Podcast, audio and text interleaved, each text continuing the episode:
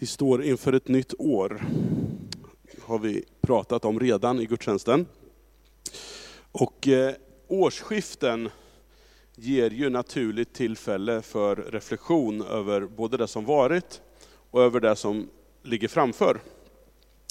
Eh, och inte minst så ställs vi inför frågor om förhoppningar, förväntningar och planer för det som ska komma. Och några av oss tänker kanske att 2019 det kommer bli som vilket år som helst utifrån den erfarenhet vi har av att det oftast blir så. Medan andra av oss kanske har tydligare planer på stora och drastiska förändringar som kommer omdefiniera våra liv. Och som kristna så ställer vi också frågor om våra egna planer i relation till Guds planer. Har Gud någon plan för det här året? Och hur överensstämmer i så fall Guds plan med min plan? Och hur får jag reda på det där med Guds plan? Idag är det ju trettondagen och ibland så kallas den här dagen för Epifania med lite så här kyrkoårsspråk. Och det betyder uppenbarelse. Och vi är ju kvar i jultiden fortfarande, fram till 20 Knut. Eh, och vid julen så firar vi ju att Gud uppenbarar sig. Det vi människor inte kunde se uppenbarar Gud för oss i det lilla barnet. Gud uppenbarar sig som människa, och dagens text handlar om hur Gud uppenbarar detta för några stjärntydare från Österns länder. Traditionen har ju vant oss vid att kalla dem de tre vise männen. Och vi har också vant oss vid en föreställning om att de skulle vara kungar. Visste ni till exempel att Tre Kronor, Sveriges ishockeylandslag, har den här symbolen, den härleds till just den här traditionen av de tre vise männen. Det visste en del av er kanske, men inte alla. Det är folkbildning att gå på gudstjänst i Korskyrkan. Hur som helst, i texten så finns det inget som tyder på att de var varken tre eller att de var särskilt kloka. Det står att de var några stjärntydare, punkt. Vi ska gå till Matteus 2, vers 1-12. Och vi gör så här, för jag tror att ni skulle behöva stå upp lite också. Så vi står upp när vi lyssnar på evangeliets ord.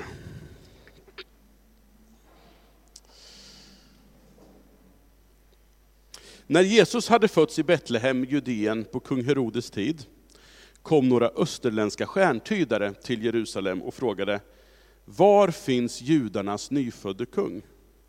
Vi har sett hans stjärna gå upp och kommer för att hylla honom. När kung Herodes hörde detta blev han oroad och hela Jerusalem med honom. Han samlade alla folkets överstepräster och skriftlärda och frågade dem var Messias skulle födas. De svarade, i Betlehem i Judeen, ty det står skrivet hos profeten, du Betlehem i Judaland är ingalunda ringas bland hövdingar i Juda, ty från dig ska det komma en hövding, en herde för mitt folk Israel. Då kallade Herodes i hemlighet till sig stjärntydarna och förhörde sig noga om hur länge stjärnan hade varit synlig. Sedan skickade han dem till Betlehem. Bege er dit och ta noga reda på allt om barnet, sa han och underrätta mig när ni har hittat honom, så att också jag kan komma dit och hylla honom. Efter att ha lyssnat till kungen gav de sig iväg, och stjärnan som de hade sett gå upp gick före dem, tills den slutligen stannade över den plats där barnet var. När de såg stjärnan fylldes de av stor glädje. De gick in i huset, och där fann de barnet och Maria, hans mor, och föll ner och hyllade honom. De öppnade sina kistor och räckte fram gåvor, guld och rökelse och myrra. I en dröm blev de sedan tillsagda att inte återvända till Herodes, och de tog en annan väg hem till sitt land. Varsågoda och sitt.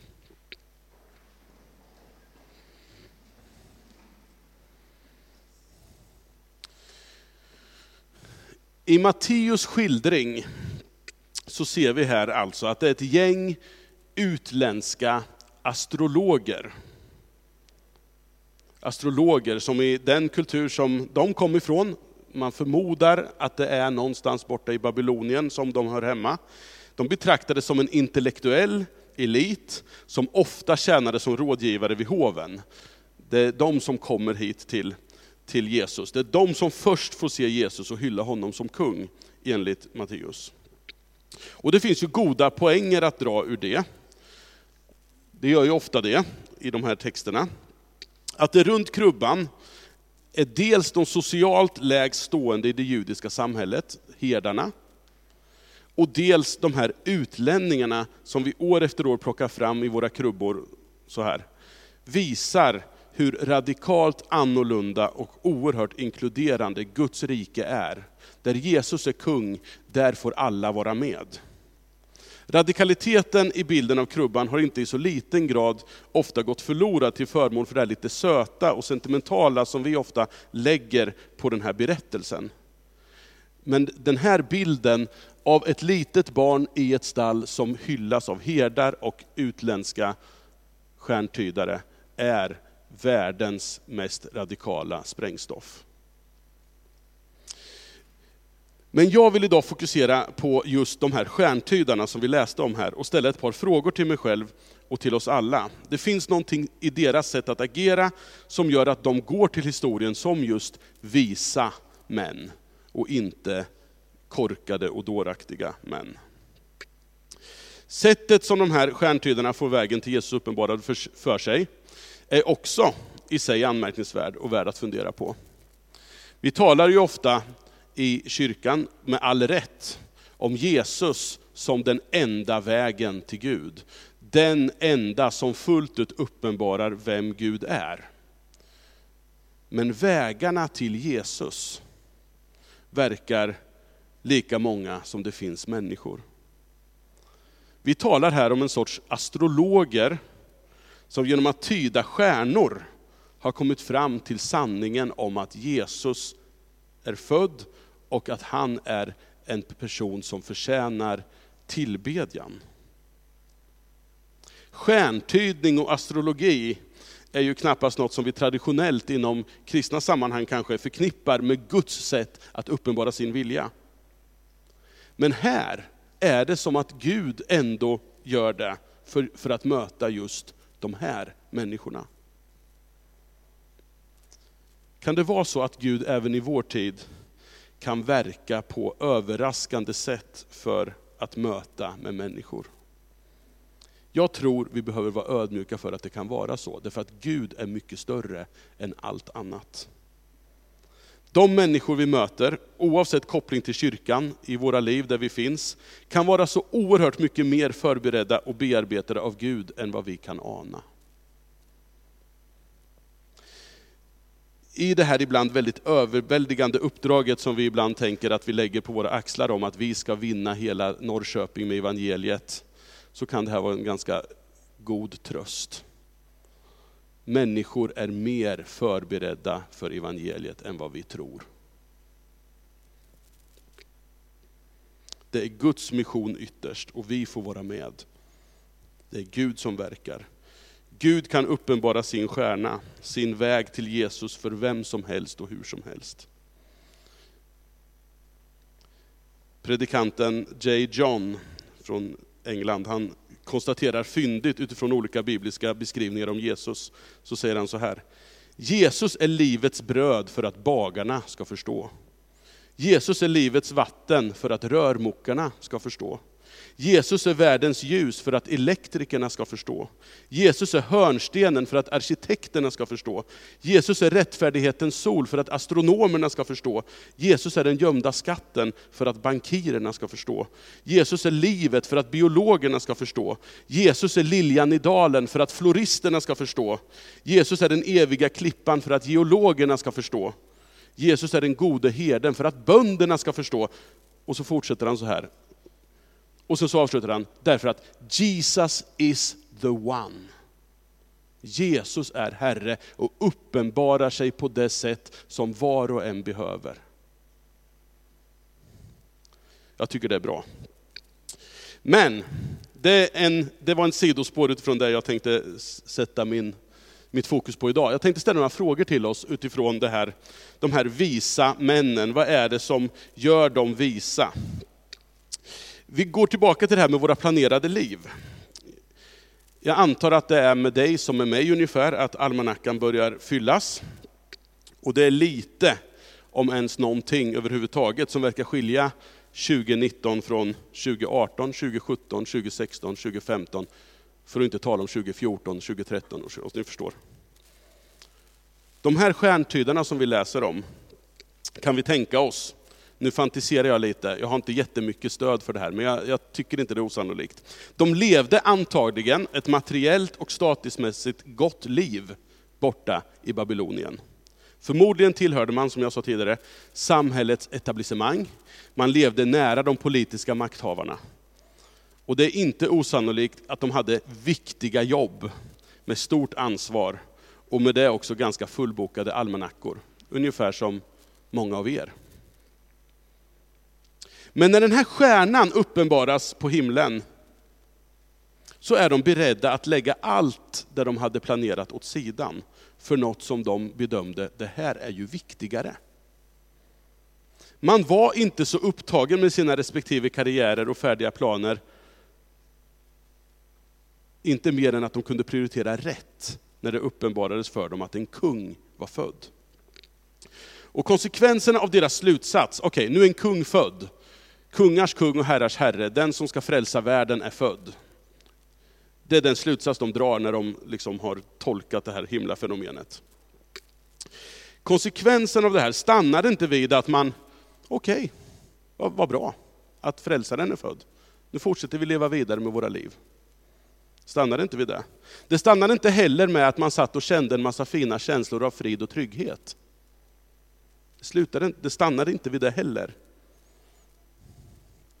Utan det som gör att de här personerna har gått till historien, och, och som gör att vi än idag liksom tar fram de här gubbarna i våra krubbor, det är ju att de till skillnad från alla sina kollegor borta i Babylonien, som förmodligen såg samma himlafenomen och kanske till och med drog samma slutsats, det är att de agerade som att det de trodde om det här himlafenomenet var sant. De gav sig av långt bort på en väldigt bökig resa för att ge den här nyfödde kungen den tillbedjan som det i sanning förtjänade. De här stjärntydarnas beslutsamhet utmanar mig. Det är så lätt att tron på Jesus, som kungars kung och herrars herre, stannar vid en intellektuell slutsats och en fin känsla i ett i övrigt väldigt färdigplanerat liv. Hur öppen är jag? Hur öppen är du? Hur öppna är vi tillsammans som kollektiv? För att ibland lägga det som är viktigt åt sidan för något som är ännu viktigare. Har vi den ödmjukhet inför våra planer som Jakob manar till i det här inledningsordet vi hörde? Eller vill vi helst hålla Gud utanför vår planering och förvisa Gud till det här tankespektrat eller känslospektrat? Det där kan Gud få ha med att göra, men inte hur, vad jag faktiskt gör i mitt liv. Om vi vill vara visa utifrån hur Jesus själv talar om det några kapitel senare i Matteusevangeliet, så kan inte efterföljelsen reduceras till att vi tänker rätt och att vi känner rätt. Utan det måste också ta sig uttryck i handling. Den som hör dessa mina ord och handlar efter dem, är som en klok man som byggde sitt hus på berggrund. Regnet öste ner, floden kom, vindarna blåste och kastade sig mot huset, men det rasade inte eftersom det var byggt på berggrund. Och den som hör dessa mina ord, men inte handlar efter dem, är som en dåre som byggde sitt hus på sand. Regnet öste ner, floden kom, vindarna blåste och störtade sig mot hans hus. Och det rasade och raset blev stort. Båda de här personerna som Jesus tar fram här, har hört. Det är inte så att det finns en kategori som tror på det här och en kategori som inte tror på det här. Utan båda har hört. Och kanske till och med på ett tankemässigt plan tycker att det här var ju bra ord. Vad fint det är det här Jesus har sagt. Men den ena lever inte som om Jesus har rätt, medan den andra gör det och därför betraktas som klok. Jakob 4 och 17, som vi hörde läsas i inledningen. Den som vet hur man handlar rätt, men inte gör det, han begår en synd.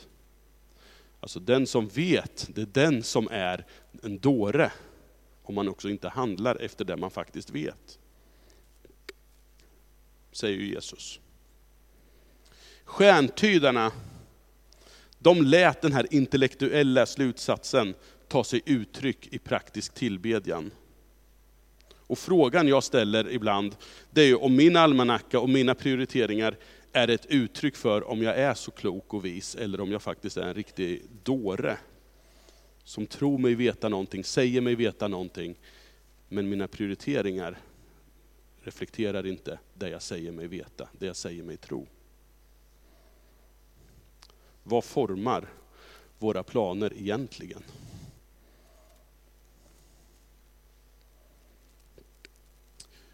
Vem ger vi vårt bästa? Stjärntydarnas tillbedjan tar sig uttryck i att de bryter upp från sin bekvämlighet, sina välplanerade liv, för att få se Jesus, för att få tillbe Jesus. Väl hos Jesus ger de honom det bästa som de har, det mest dyrbara de har. Guld, rökelse och myrra. Och kanske är det liksom just det att det är tre gåvor som gör att vi har, man har dragit slutsatsen att de måste ha varit tre stycken. Jag vet inte. Men det är de tre sakerna som, de, som beskrivs, eller som uppräknas i den här texten. Och de här gåvorna var ju sånt som anstod en kung. Guld, rökelse och myrra. Det var kungliga gåvor. Och den eller det som vi ger vårt bästa, är ju ytterst också det som är makthavare över våra liv. Det vill säga det som är vår kung, det som är vår Gud, är det som vi ger vårt bästa. Författaren Magnus Malm, han resonerar så här rörande vem som är Gud i våra liv.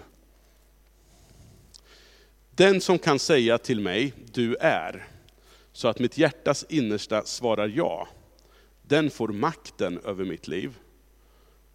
Med andra ord, den blir min Gud. Ty det är den som i praktiken definierar vem jag är, som är min Gud. Oavsett vilken ideologi eller religion jag officiellt bekänner mig till. Om jag är kristen, men det i praktiken är någonting annat än Kristus som definierar vem jag djupast är, kommer relationen till Gud att vara blekare än dessa makter. Då blir det de som formar mig till sin avbild.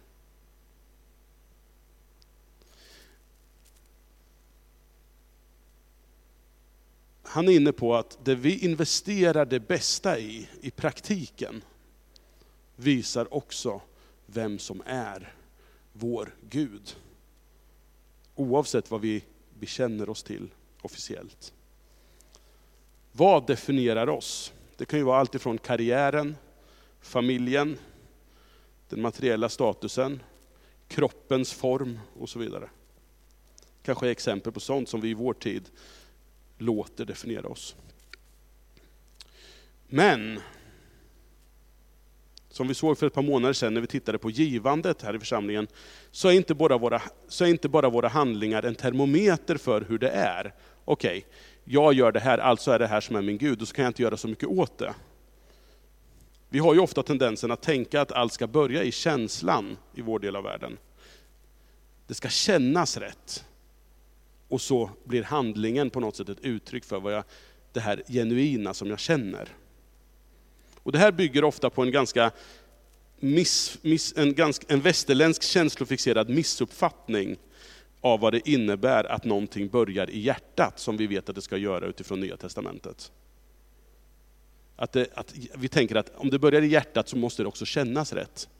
Men faktum är att vilja och känsla, det är två helt olika saker. Vilja och känsla, det är inte samma sak. Jesus är inne på att vi med våra handlingar kan påverka och ändra vad som definierar oss och vad vi vill och vad vi längtar efter och därmed också vad vi sen känner för. Han säger så här, där din skatt är kommer också ditt hjärta att vara. Så Jesus befriar oss från att vara slavar under den här känslan av att hela tiden vara styrd av vår känsla i vårt agerande. Utan snarare säga, vad vill du ska definiera ditt liv? Okej, handla efter det så kommer också viljan och känslan vara med. Där din skatt är, kommer ditt hjärta att vara. Genom att ge och investera det dyrbaraste vi har, så kommer hjärtat följa med. Stjärntydarna, de förstod att om den kunskap de fått var riktig, om det här var världens frälsare, då var det rätt att ge det dyrbaraste de hade till den där ungen som låg där i stallet, som de inte hade någon som helst känslomässig relation till. Det var bara så att det var ju rätt då. Om vi tror att Gud finns, om vi tror att Gud har uppenbarats i Jesus Kristus, om vi tror att Gud är närvarande med sin ande på ett särskilt sätt i den här brokiga gemenskap som vi kallar församling eller kyrka, för att gestalta sin kärlek och frälsning i världen. Är det då inte en rimlig slutsats att också låta det påverka var vi vill ge vårt givande, vårt engagemang, vårt givande av tid, engagemang och pengar? Vi står inför ett spännande år i församlingen. Vi har, plan, vi har planer på olika sätt att ta ställning till. Och vi vet inte riktigt vart, de här, vart det här kommer ta vägen, men det är spännande. Men det kräver också ett engagemang från oss, att både när det gäller att ge engagemang, tid och pengar. Och jag vill slå ett slag för den här samlingen på onsdag när vi ska mötas och prata om lokalfrågan. Bara det är ju en stor fråga i sig. Var med då och, engagera, och så engagerar vi oss i det här och så kommer vi fram till ett bra beslut i den frågan vartefter. Det är ett sätt att engagera oss i detta. Utmaningen som jag härleder ur den här berättelsen om de stjärntydare som gått till historien som visa och kloka, det är att inför vår planering av det här året, inte så mycket fråga, vad känner jag för nu inför det här året som kommer? Vad känner jag för att ge mitt dyrbaraste till? Utan snarare fråga oss, vad vill jag känna för att ge mitt dyrbaraste till? Inte vad känner jag för, utan vad vill jag känna för? Och låta det, svaret på den frågan avgöra hur vi sedan gör. För jag tror att svaren på de här frågorna kan skilja sig väldigt mycket och utgöra väldigt stor skillnad för hur det här året som kommer blir. Fråga inte vad känner vi för, utan fråga vad vill vi känna för?